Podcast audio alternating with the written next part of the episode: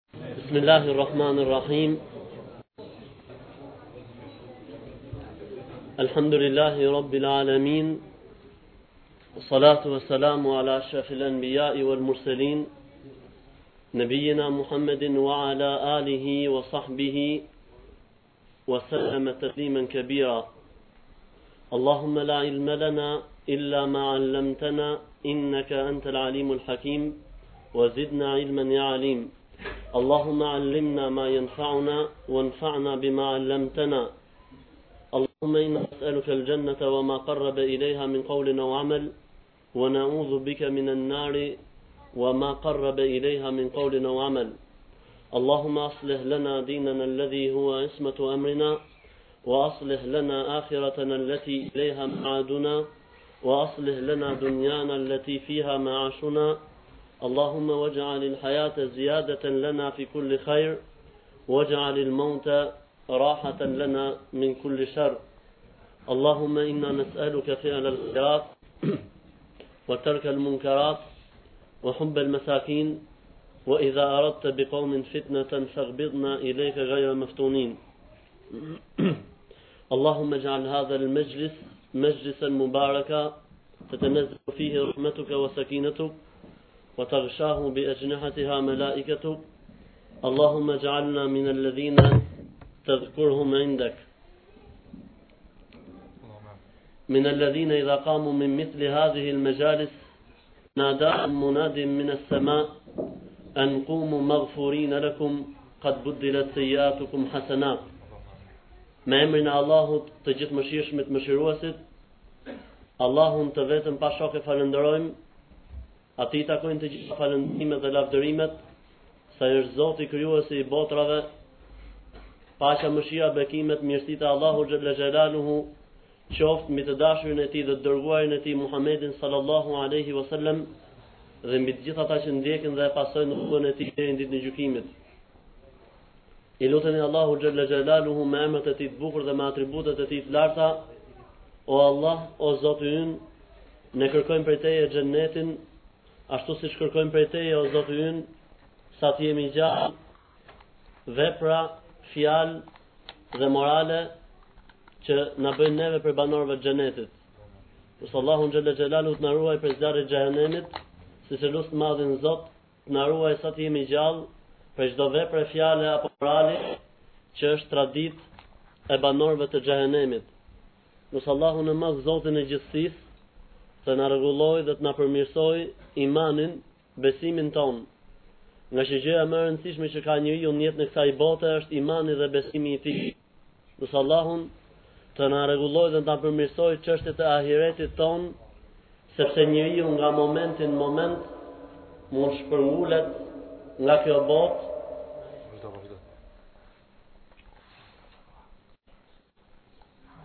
Se njeriu nga momenti në moment mund të shpërngulet nga kjo botë dhe të kalojë në ahiret. Lus Allahun e madh, Zotin e gjithësisë, të na rregullojë çështjet e kësaj dynjaje, se ne këtu po jetojmë. Allahun e lus, që jeta jonë të jetë shkak që të na shtohen sevapet dhe të mirat, Allahun e lus, që vdekja jonë të jetë shkak që të na ndërpriten një herë për gjithmonë gjynahet dhe mëkatet, se ka njerëz që vdesin, mirëpo gjynahet e tyne vazhdojnë të shkruhen dhe mas vdekjes tyne. Lus Allahun e Madh Zotin e Gjithësisë që këtë takim, këtë tubim në këtë shpi prej shpijave të Zotit ta bëjë të hajrit dhe të bereqetit, prej atyre takimeve ku Allahu xhalla xhelaluhu derdh mëshirën e Tij, prej atyne takimeve ku Zoti i Madh, Zoti i Gjithësisë, gjithsecilit që prezanton i jep qetësi shpirtërore, prej atyne takimeve ku njerëzit rrethohen nga melajket e Zotit xhalla xhelaluhu Prej atyne takimeve që kushdo që prezanton në to, Allahu i përmend atje ku është ai prej atyne takimeve që kur mbarojnë tubimet dikush thrret nga qielli dhe thot çohuni se Zoti jua ka fal gjitha gjynahet e të gjitha të këqijat që keni bo Zoti jua ka kthy në të mira lus Allahun që të jemi ne prej atyne njerëzve që do ta meritojnë këtë mirësi të Allahut Xhelaluhu. Sigurisht është mirësi dhe begati e Allahu Xhella Xhelaluhu, i cili na ka udhëzuar në fenë islame, na ka bërë musliman. Është mirësi dhe begati e Allahu Xhella Xhelaluhu, i cili na ka bërë pasues të sunetit të pejgamberit sallallahu alaihi wasallam. Është mirësi dhe begati e Allahu xhella xhelaluhu që tek ne ndoshta zbatohet thënia e Zotit xhella xhelaluhu Inna alladhina amanu wa amilu salihati sejexh'alu lehumu rrahmanu udda.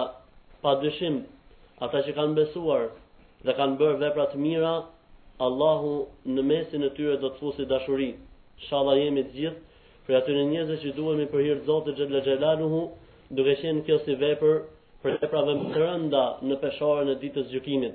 Thoshte Sufjan ath-Thauri, Rahimahullahu Ta'ala, Për Ibrahim et-Tejmin thoshte, Besoj dhe shpresoj se gjëja më e mirë që unë kam paraqit për ditën e gjykimit që do të paraqes përpara Allahu xhella xhelaluhu, dashuria që unë kam për Ibrahim et-Tejmin, rahimahullahu taala, Allahu e mëshiroftë, duke merituar kështu me shpresën e Zotit faljen dhe mëshirën e tij dhe futjen në hijen e arshit të Zotit xhella xhelaluhu, atë ditë kur nuk do të ketë hije tjetër përveç hijes arshit të Zotit xhella Xhelaluhu.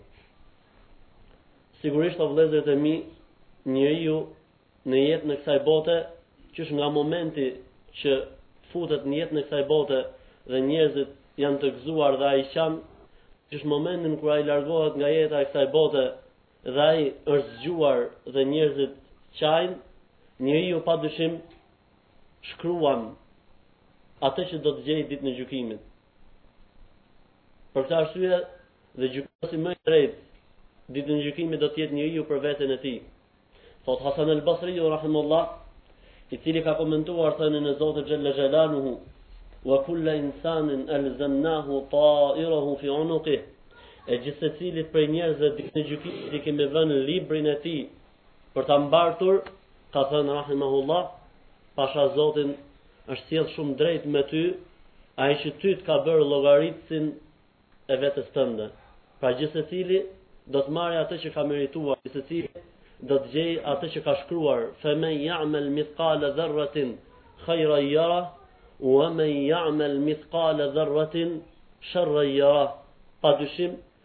se gjithsecili që bën vepron diçka që është shumë e vogël qoftë edhe shumë e vogël sa grimca më e vogël do ta gjejë atë ditën e gjykimit dhe ai që bën diçka që është e keqe qoftë grimca më e vogël do ta gjejë atë ditën e gjykimit është momenti kur të gjithë do të dalin përpara Zotit xhella xhelaluhu pa dyshim që takime të tilla tubime të tilla qëndrime të tilla me shpresën e Zotit xhella xhelaluhu Ia lehtësojnë njeriut punën atë ditë, atë ditë t'rëndë. Transmetohet se Muadh ibn Xhebel, radijallahu teala anhu, ka qenë shtratin e vdekjes dhe ka fillu me qa. E kanë pyet njerëzit pse qan. Ka thënë pasha Zotin, Allahu e din se unë nuk e kam dashtë këtë botë, as për të ndërtu vila, as për të pas kopshte, as për të pas lumenj, porse më dhimbset jeta e kësaj bote. në, me ju dhimbs jeta e kësaj bote. Po pse? Ka thonë dhimbset jeta e kësaj bote për namazin e natës që nuk do ta gjej më, për agjërimin e ditëve të nxehta që nuk do ta gjej më dhe për uljen në mexhlise të tila në vende ku Zoti xhelle xhelaluhu e derdh mëshirën e tij pa llogari. ku Zoti xhelle xhelaluhu e derdh faljen e tij pa llogari merreni me mend njerëzit çohen prej mexhlisit dhe ju janë fal gjitha gjynahet insha Allahu teala me shpresën e Zotit xhelle xhelaluhu udhëtimi është i gjatë jeta ka sprovat e veta rizgjimi islam në vendet tona ka sfidat e veta me të cilat përballohet për këtë arsye unë mendova që të ndalemi në një buqet këshillash dhe porosish që t'i kemi parasysh në jetën tonë, në adhurimin tonë dhe në punën tonë islame, sepse dashje pa dashje, gjithsecili prej nesh është një aktivist islam. Aktivist islam i gjallë në jetë, apo aktivist islam i fjetur. Kështu që që puna jonë të jetë më e suksesshme, të jetë më rezultative dhe mbi të gjitha prej kësaj pune të fitojmë kënaqësinë e Zotit xhella xhelaluhu dhe pastaj të bëhemi shkak mirësie për vendin, shoqërinë, kohën ku jetojmë apo me individët dhe personat që shoqërohemi, thash të paraqes një paqet apo një buqet këshillash dhe porosish që me shpresën e Zotit xhella xhelaluhu do të na ndihmojnë në këtë rrugë, rruga e jetës së kësaj bote, që konsiderohet njëkohësisht kapitali më i rëndësishëm që Zoti xhelle xhelaluhu i ka dhënë në dispozicion njeriut në jetën e kësaj bote. Ky është kapitali më i rëndësishëm, jeta, që nëse shfrytëzohet në të mirë, fitove xhenetin e Zotit xhelle xhelaluhu, e nëse nuk shfrytëzohet në të mirë, i bjen që njeriu t'i hajë gishtat e vet ditën e gjykimit, mirëpo nuk bën dobi jo me hëngër gishtat, po sikur të hajë dhe duart dhe këmbët.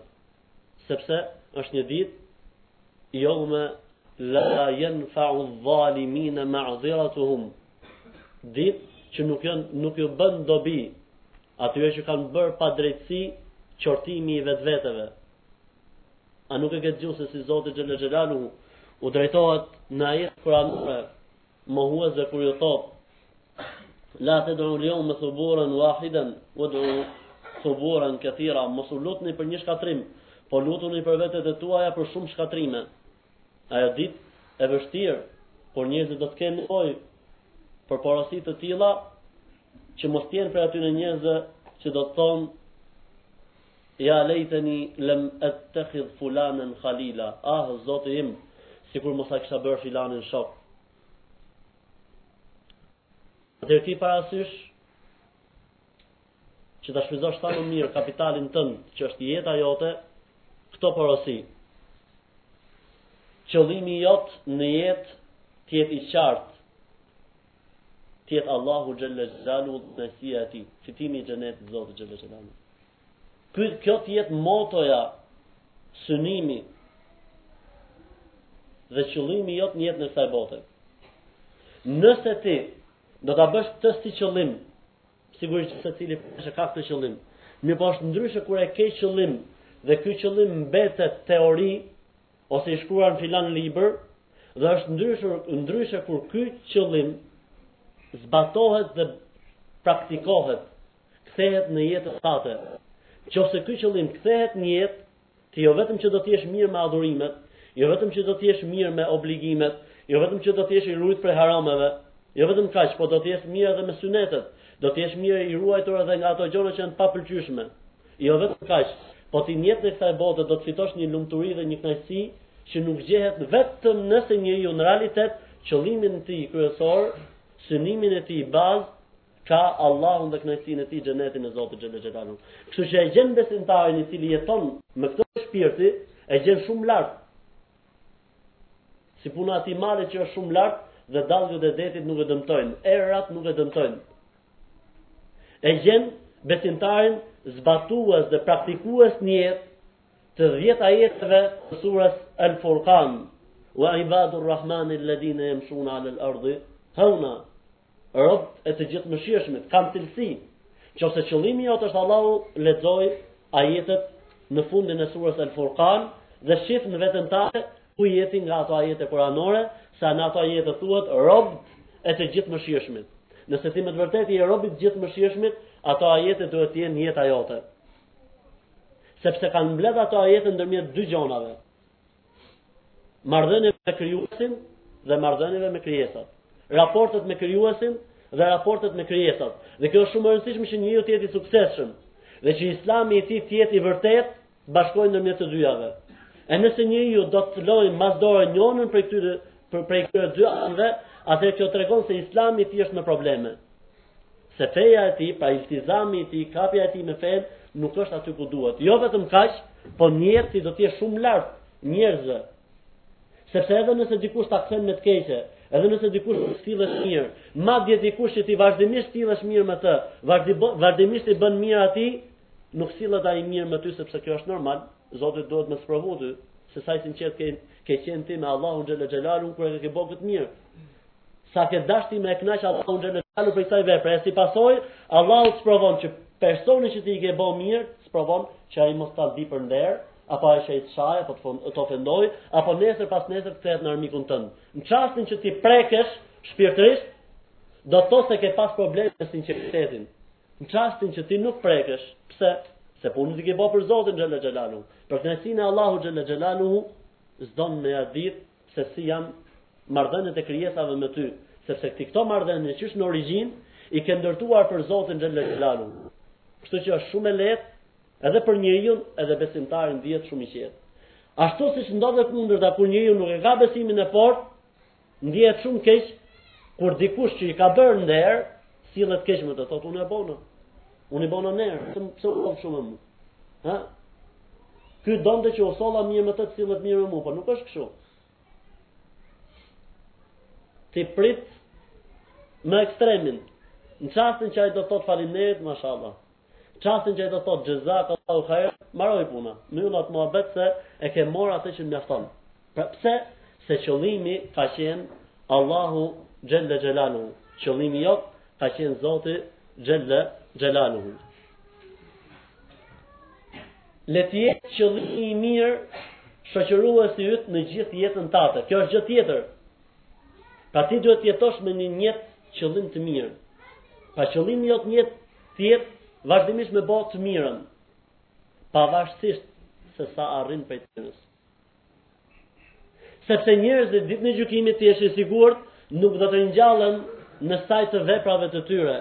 Njerëzit ditën e gjykimit do të ringjallen në saje të nijeteve të tyre.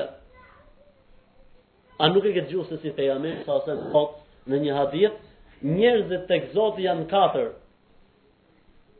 dy kategori që kanë punu me dije apo me pasuri, dhe dy kategori të tjera që s'kanë pas as dije, as pasuri, po kanë thonë, o Zot, sikur të kisha unë dije si filani do të bëjsha unë si ai, me veten e vet. Ka thonë, o Zot, sikur t'kisha unë pasuri si filani, edhe unë do të bëjsha si ai. Thotë pejgamberi, ditën e gjykimit do të dalin përpara Allahut njësoj. Po kështu, në të kundërt, në të keqe, dikush ka bo keq, dhe dikush thot, sikur të kisha dhe unë, edhe unë do të bëjsha keq siç bon ai. Ditën e gjykimit dalin njësoj, Zoti na rujt. Për këtë arsye imam Ahmed ibn Hanbel, transmetohet se ka këshilluar një herë birin e vet dhe i ka thonë, o biri im, mundohu që nijeti jot në jetë gjithmonë të jetë i mirë, pavarësisht se sa arrin ti të realizosh. Nijeti të jetë i mirë, qëllimi të jetë i mirë. Një gji, a e dini kujt i thonë gji? Deti kur futet në një tokë formon gji, ai quhet gji. Një gji i kulluar është më mirë se sa një oqean i turbullt. porosia e tretë. Pra më mirë të kesh diçka që është e pastër, e kulluar, si mas asaj që ka thonë Zoti subhanahu wa taala, si mas asaj që ka orientuar Muhamedi sallallahu alajhi wasallam, se sa kur me pas shumë, mirëpo është i turbullt. Zoti i Madh kur ka kërku prej njerëzve në Kur'an nuk ka kërku shumë. Më gjej një ajet kuranor që Zoti ka kërku prej njerëzve shumë. Ka kërku prej njerëzve ahsenu amela. Kush bën më të mirën? Pra njeriu duhet të bëjë më të mirën. Kush është më e mira? Ku orientohemi ne se ku është më e mira? Më e mira është ajo që ka përmend Zoti i Madh në Kur'an, më e mira është ajo që e ka zbatuar, praktikuar, këshilluar, orientuar për të i dërguari i Zotit Muhamedi alayhi salatu wassalam. Atëherë mundohu që ato hapa që i hedh në jetë t'i hedhësh me orientim me udhëzim dhe të saktë, më mirë pak dhe i orientuar se sa shumë dhe i gabuar. Porosi tjetër, thotë dija fetare është faktori më i rëndësishëm që ty duhet të shoqërojë gjatë gjithë jetës sepse ajo është dritë. Dija fetare është dritë. Qofse nuk ke dije fetare, E pe si u falën gabim ato vllezërit ngaqë dy të sot, se nuk kishte korent, strujë s'kishte.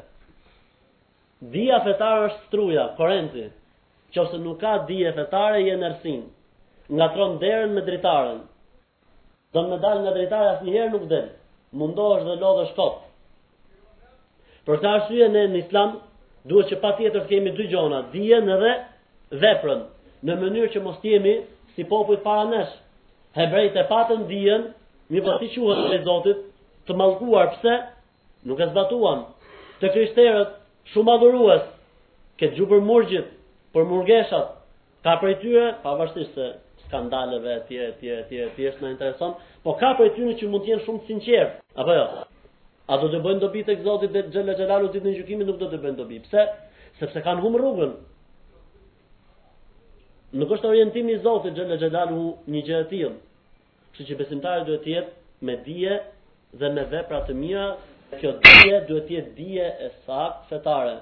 Siç thot Ibn al-Qayyim rahimahullah, "El-ilmu qala Allahu wa qala rasuluhu", dija është ajo që ka thonë Allahu dhe që ka thonë i dërgumi i tij sallallahu alaihi wasallam sepse Aty është drita e vërtet.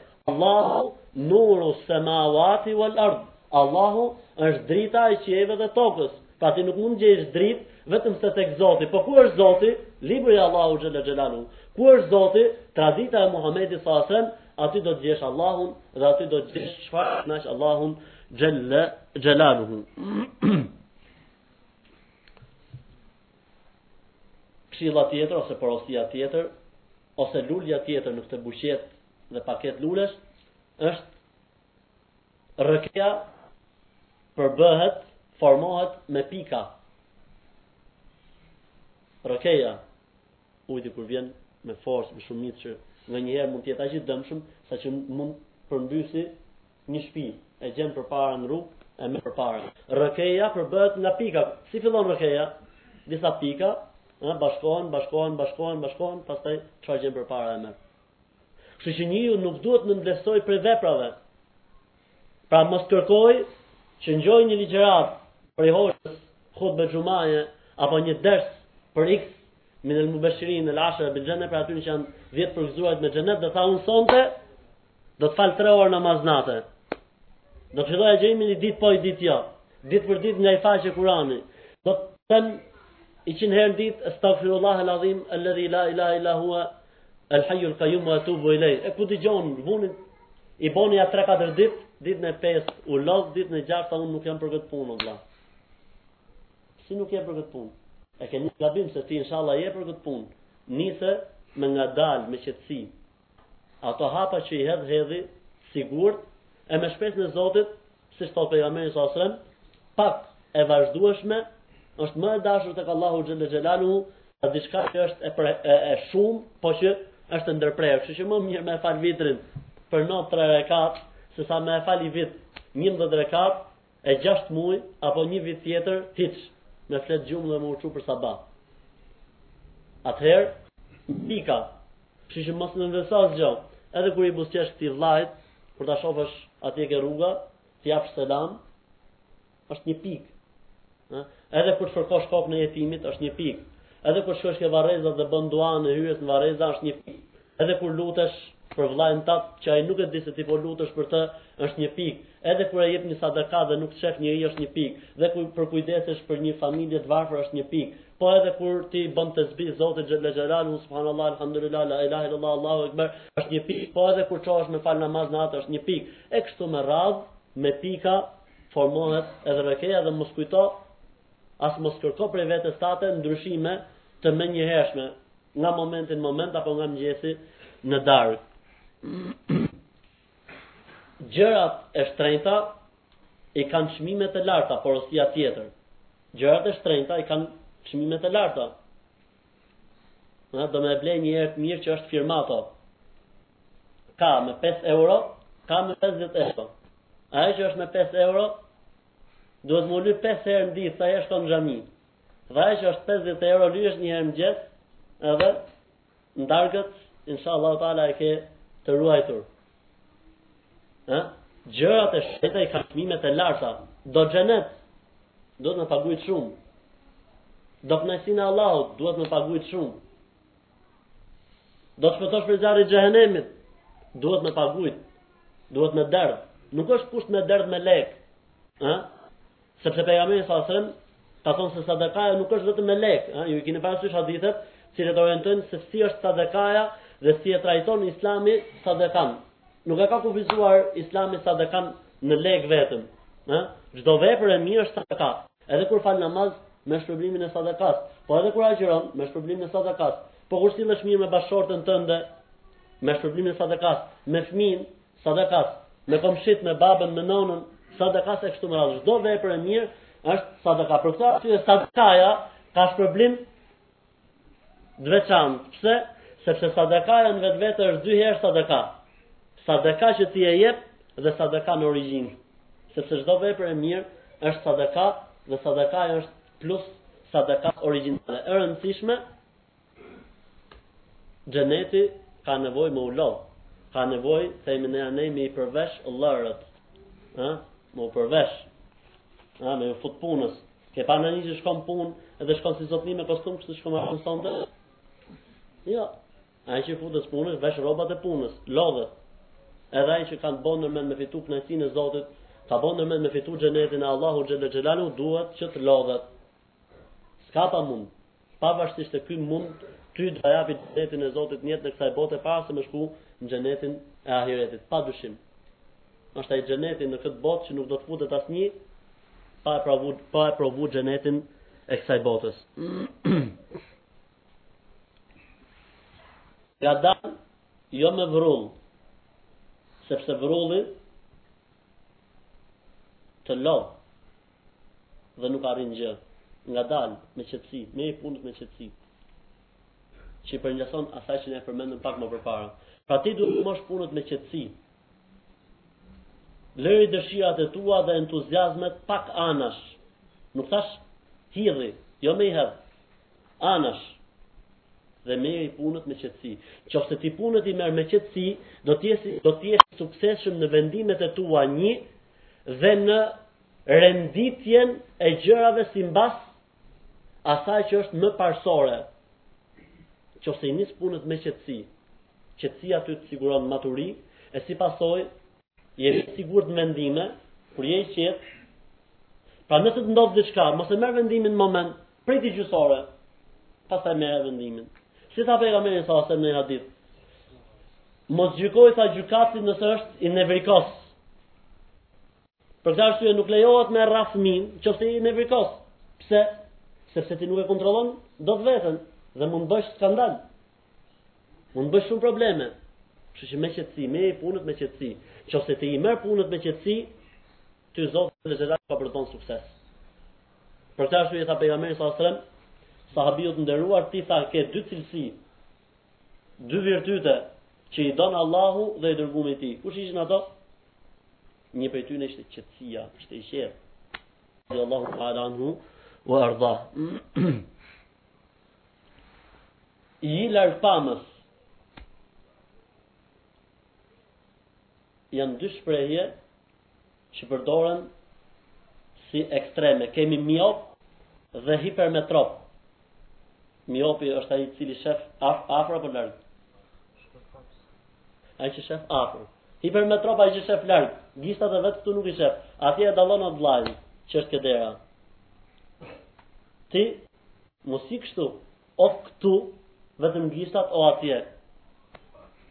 Ti lëri qëllimet, ji largpamës në qëllime, mirëpo jeto me aktualitetin.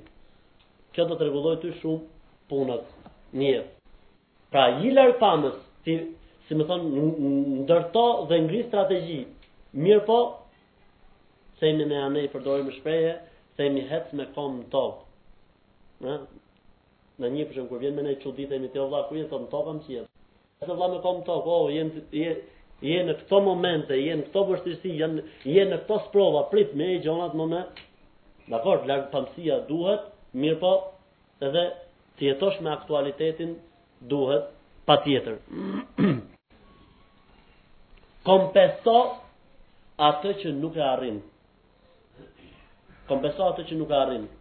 Pse tha Enes ibn Nadri, radhiyallahu ta'ala anhu? Tha radhiyallahu ta'ala anhu. Nuk prezantoi sot luftën e Bedrit. Tha pasha Allahu. Nëse Zoti do të më japë jetë që të jetoj edhe një herë një luftë me pejgamberin sallallahu alaihi wasallam, do ta shofi Zoti se ç'do të bëj unë. Prezantoi në luftën e Uhudit.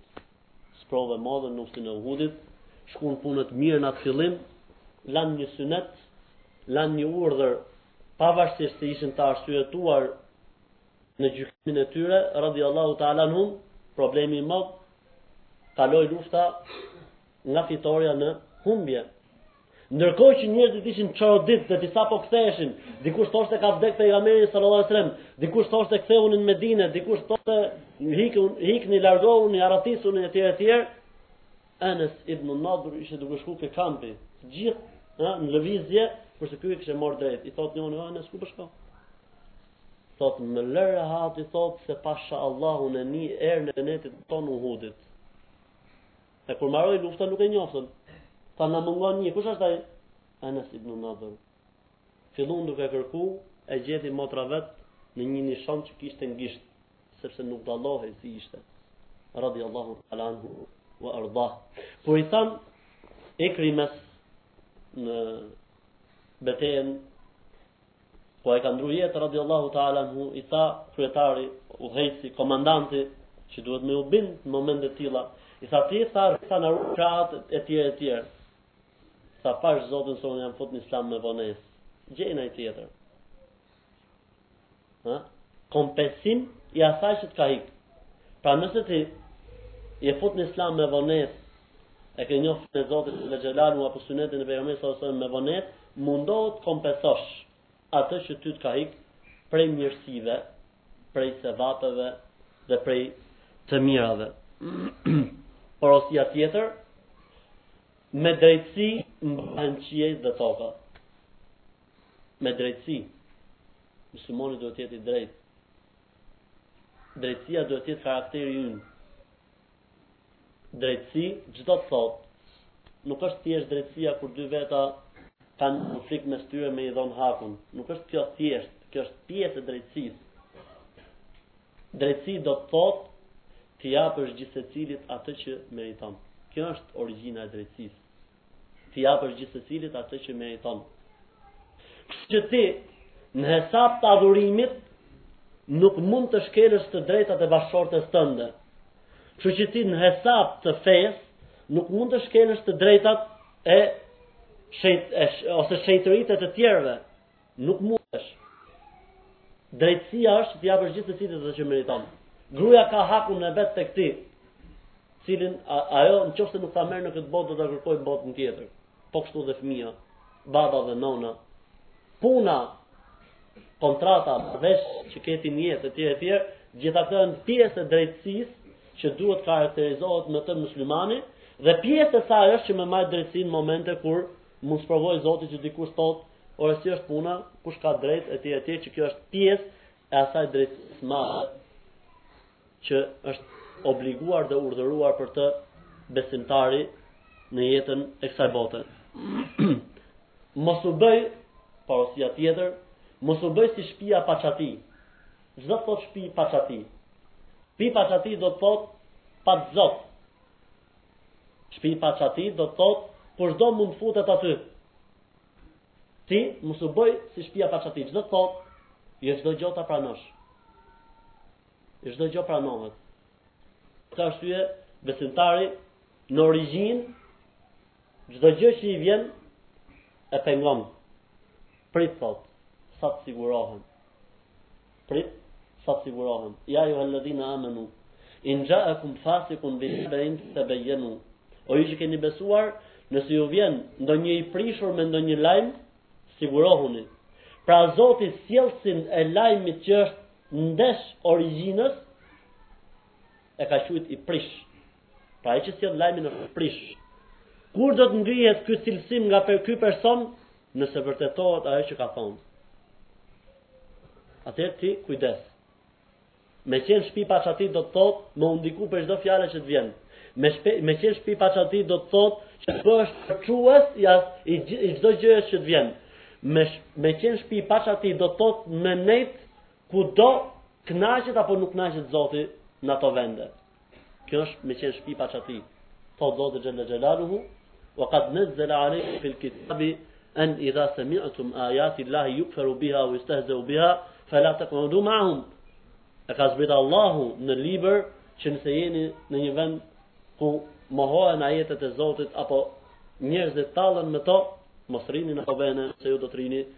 Atë ju do të jeni si ato, apo në vene ku bëhet përgojim, apo në vene ku bëhen thashetheme, në qofë se futesh aty, në qofë se rri aty, ti do me thonë e bo si puna e shpis, pa çati, Zoti na rujt. Lëre, porosia tjetër, atë që nuk të intereson. Problemi ma i madh, unë e kam thonë edhe mësimet që kam pas majt, aty në Tironë, problemi ma i madh që sot kanë, Një pjesë e muslimanëve, se s'lejohet me i fut gjithë. Një pjesë e muslimanëve, ose shumica e muslimanëve është, angazhimi i tyre me atë që nuk i intereson.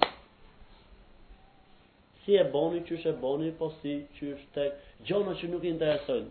As në dynjo që me i bo dobi, as në ahiret. Kjo është problem shumë i madh. është udhëzim profetik. A beson se Muhamedi a.s. s'ka fol nga vetja vet. Ky burrë ka thon sallallahu alaihi wasallam min husni islam al-mar tarkuhu ma la yani. Prej islamit të mirë.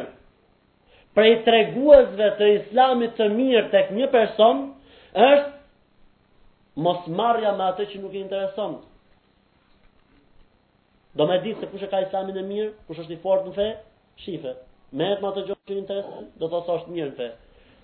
Nuk merret me atë, merret me ato gjëra që nuk i interesojnë, do të thotë se ky ka probleme në imanin dhe në besimin e tij.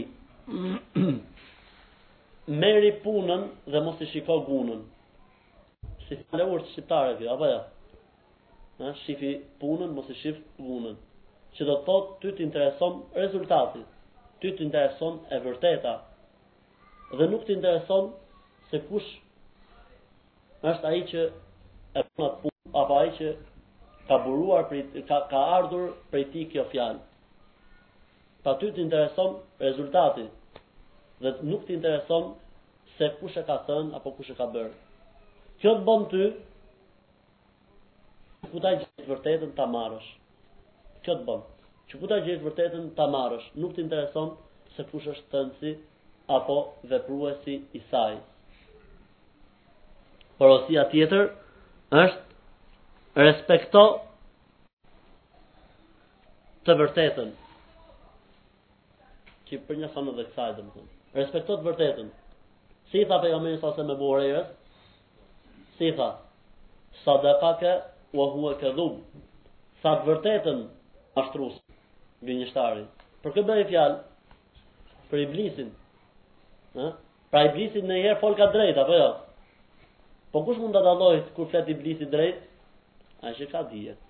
Sigurisht. Nëse ty të vërtetohet se në një moment s'a ku është e vërteta, ti duhet ta marrësh vërtetën. Nga do që të vijë e vërteta. Origjina, porosia tjetër ose këshilla tjetër, origjina tek besimtari është mirësia.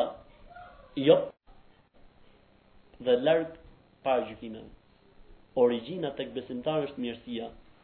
Origjina është që besimtari është i mirë.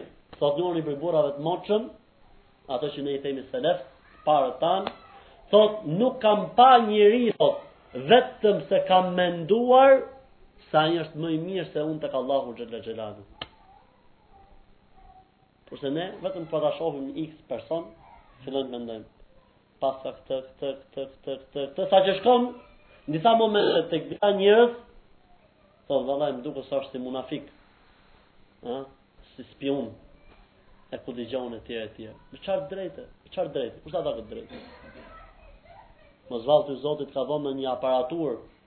Apo të ka dhënë ndonjë teori që ti zbulon zemrat e njerëzve? Kështu që ti nuk mund paragjykosh njerëzit për shkak të veshjes, apo për shkak të paraqitjes së jashtme. A do ta jap një argument nga jeta e profetit sallallahu alajhi wasallam? Po, duhet me dhon argumentin. Një burrë e sjellin tek pejgamberi salasem të dehur dhe zbatohet mbi të gjykimi i shariatit, goditje me kamzhik, ishte i dehur. Pastaj e sollën për herë të dytë tek profeti sallallahu alajhi wasallam. Ha? Njerëz që deheshin në atë kohë, po. E sollën për herë të dytë, u zbatu mbi të gjykimi i shariatit. E sollën për herë të tretë, u zbatu mbi të gjykimi i shariatit. E sollën për herë të katërt, Allah Allah. Prap gjykimi i shariatit, kamzhik. Tha njoni prej sahabëve, ah Zoti e mallkoftë, shumë e Tha pejgamberi salasem, mos e mallko, se ai e do Allahun dhe të dërguarin e tij. Është sprovu me këtë sprovë. A kështu që kujdes. Kujdes në paragjykimin e njerëzve.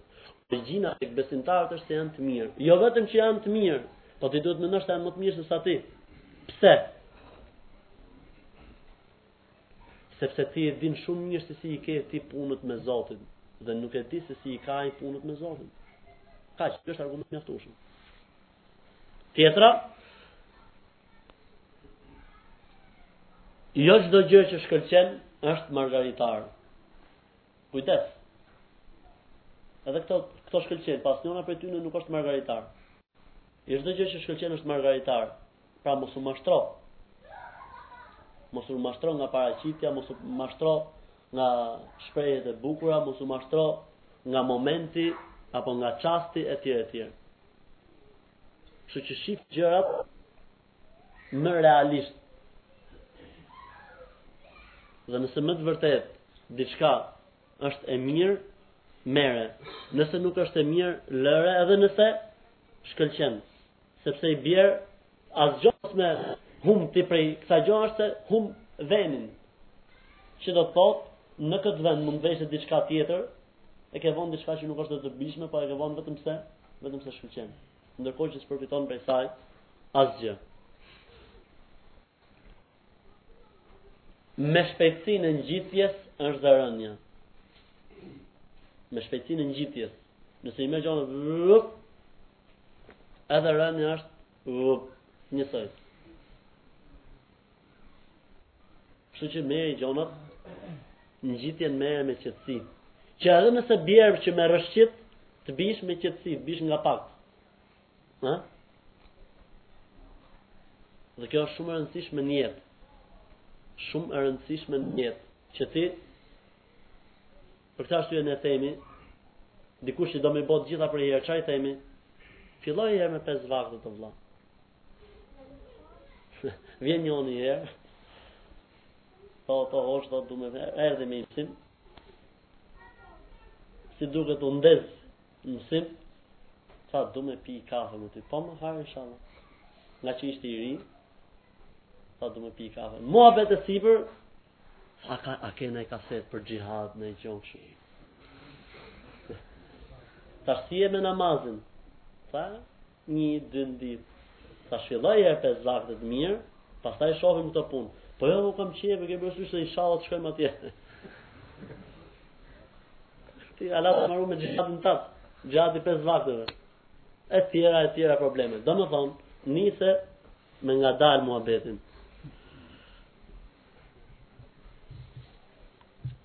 Të gjithë lodhen Të gjithë lodhen. Ça do të thotë? Kjo, të gjithë lodhen. Të gjithë lodhen, edhe qafiri lodhet, apo jo? Ëh? Edhe protestantët këtu në Kosovë lodhen shumë. Se kanë fillu me i bërë kosovarët protestantë. S'ka pas këtu te ju. Lodhen, edhe ata. Dëshmitarët e Jehovait lodhen. Por them këtu, se këtë e kemi lexuar domethënë e kemi pa në internet, po edhe atje ke ne, po atje ke ne janë ba shumë sa që nuk është nuk përbën më çudi. Na lëvon zi.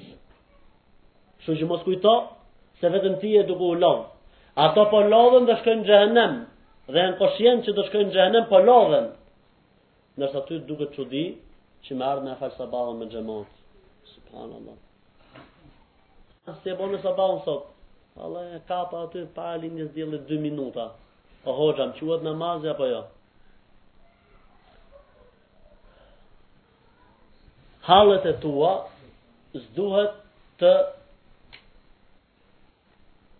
mund ndijmë hallet e të tjerëve. Me kuptimin, pse ti ke halle, s'do thotë që mos dëgjosh dhe prej tjerëve, s'do thotë që mos ndihmosh dhe tjerët. Pra hallet e tuja, mbaji për vete. Dhe mundohu që mos paraqesësh asgjë prej shqetësimeve që ti ke.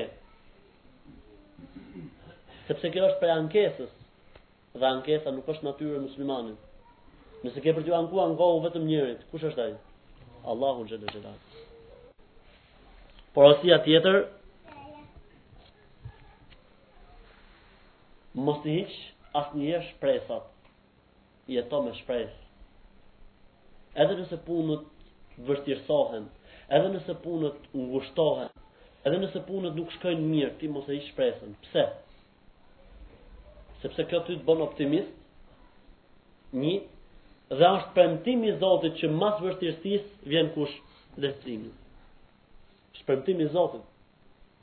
Madje jo një lehtësim, po dy lehtësime, për këtë arsye, thotë Muhammedi salasem, nuk mundet dot dy lehtësimi me një vështirësi. Pra dy lehtësimet patjetër do ta hedhin poshtë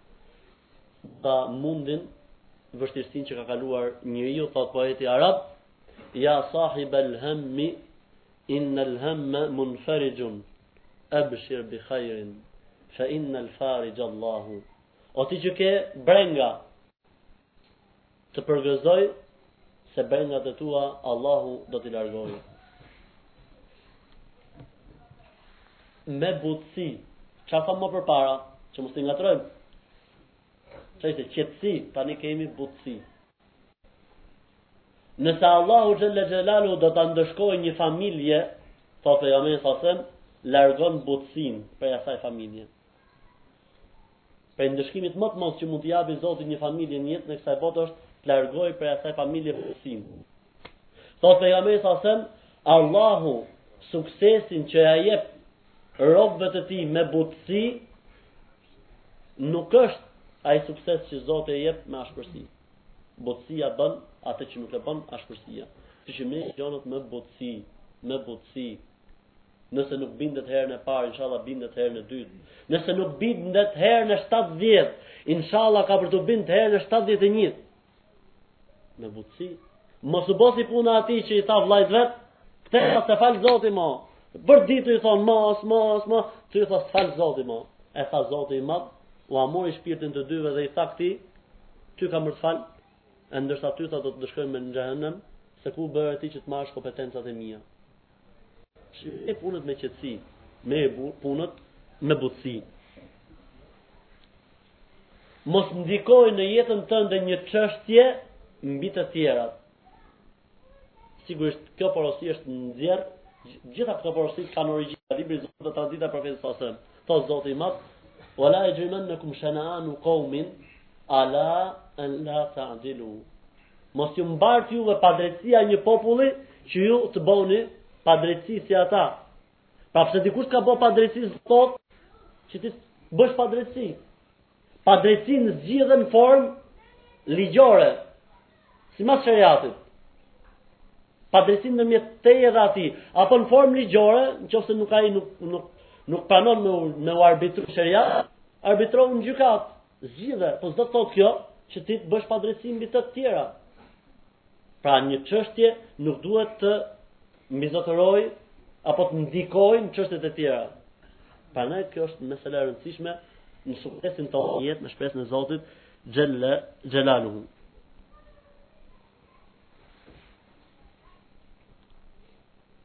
Rizku është i siguruar. Porosia tjetër, rizku, furnizimi, është siguruar. Kështu që jo mos e kërko rizkun, se ne nuk themi kështu. Ne themi kërkoje rizkun po në hallall. Ëh? Tha pejgamberi alejhi selam, Xhibrili më ka inspiruar në shpirtin tim se s'do të vdesë njeri pa e marrë atë që Zoti e ka përcaktuar për të.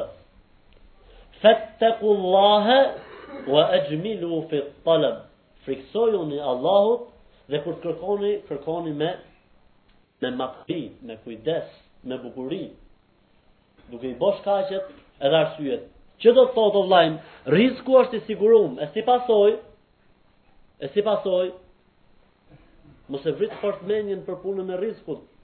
S'kapesh te harami. Se thu, po nuk ka nga prej haramit, un kam me vdek, apo kan me vdek fëmijët, apo ku di unë etj etj. S'është e thënë? Pse duhet me shku ke harami? Pse duhet me qenë zgjidhja harami? Allahu e ka siguruar rizkun. Nëse ti je i sinqert me Zotin Xhelle Xhelaluhu, do të vijnë punët që do të ngushtohen, do të ngushtohen, do të ngushtohen deri në atë moment, pastaj do të vijë lehtësimi prej Zotit Xhelle Xhelaluhu.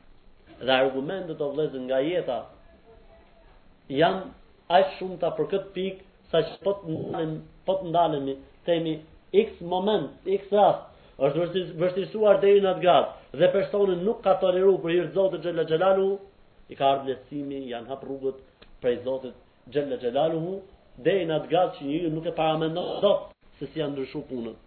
E rastet, domethënë, sidomos ne që sprovohemi me me rininë, me rininë studentore etj etj, kemi raste nga më të habitshmet, sprova kur ngushtohet, ngushtohet, ngushtohet, ngushtohet, subhanallah sa që nga një një subhanallah.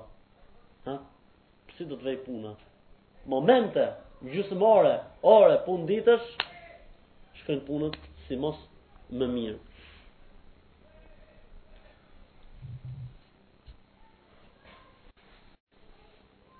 Mos të trishtoj ty numri i vogël i pasuesve të vërtetës. Mos të trishtoj. Sepse Zoti e ka përmend si origjinë se ato që pasojnë të vërtetën janë pak. Kështu që mos mos u trishto. Mos duket kjo faktor ë frikësues. Ja. Wa qalilun min ibadi yashkur. Pak prej robëve të mi janë falëndërues të Zotit më subhanahu taala. E fundit fare, se më duket ka vajza ka kohë. Ë?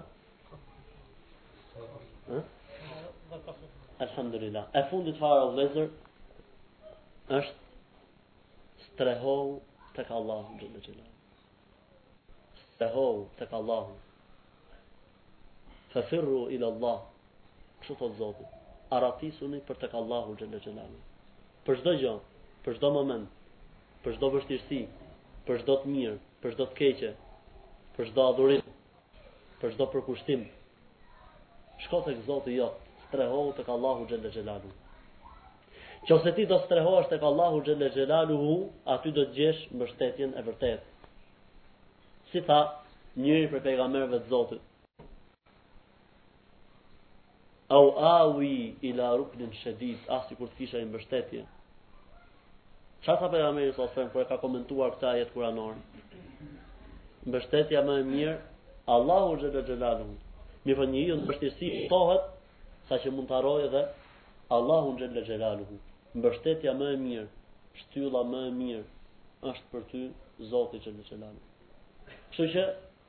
Le të jetë Allahu i pari ai që i troket derën e tij.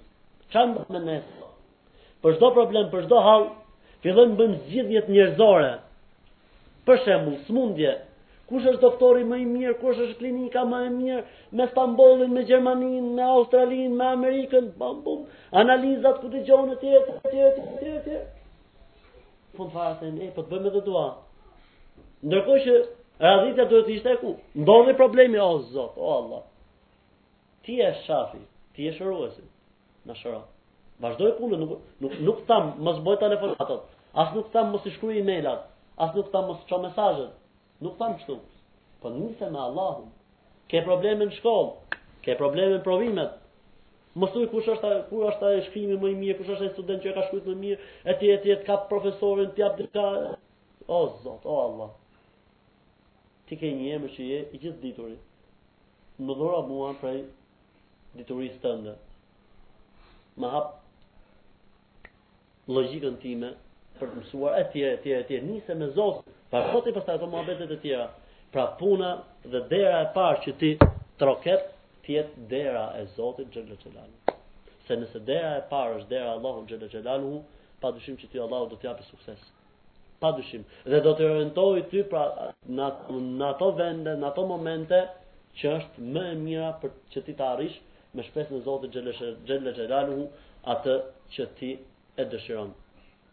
Lus Allahun e madh, Zotin e gjithësisë, me emrat e tij të bukur dhe me atributet e tij të larta, t'i marrim këto porosi dhe këshila dhe t'i kemi si udhëzim dhe orientim folësi përpara dëgjuesve.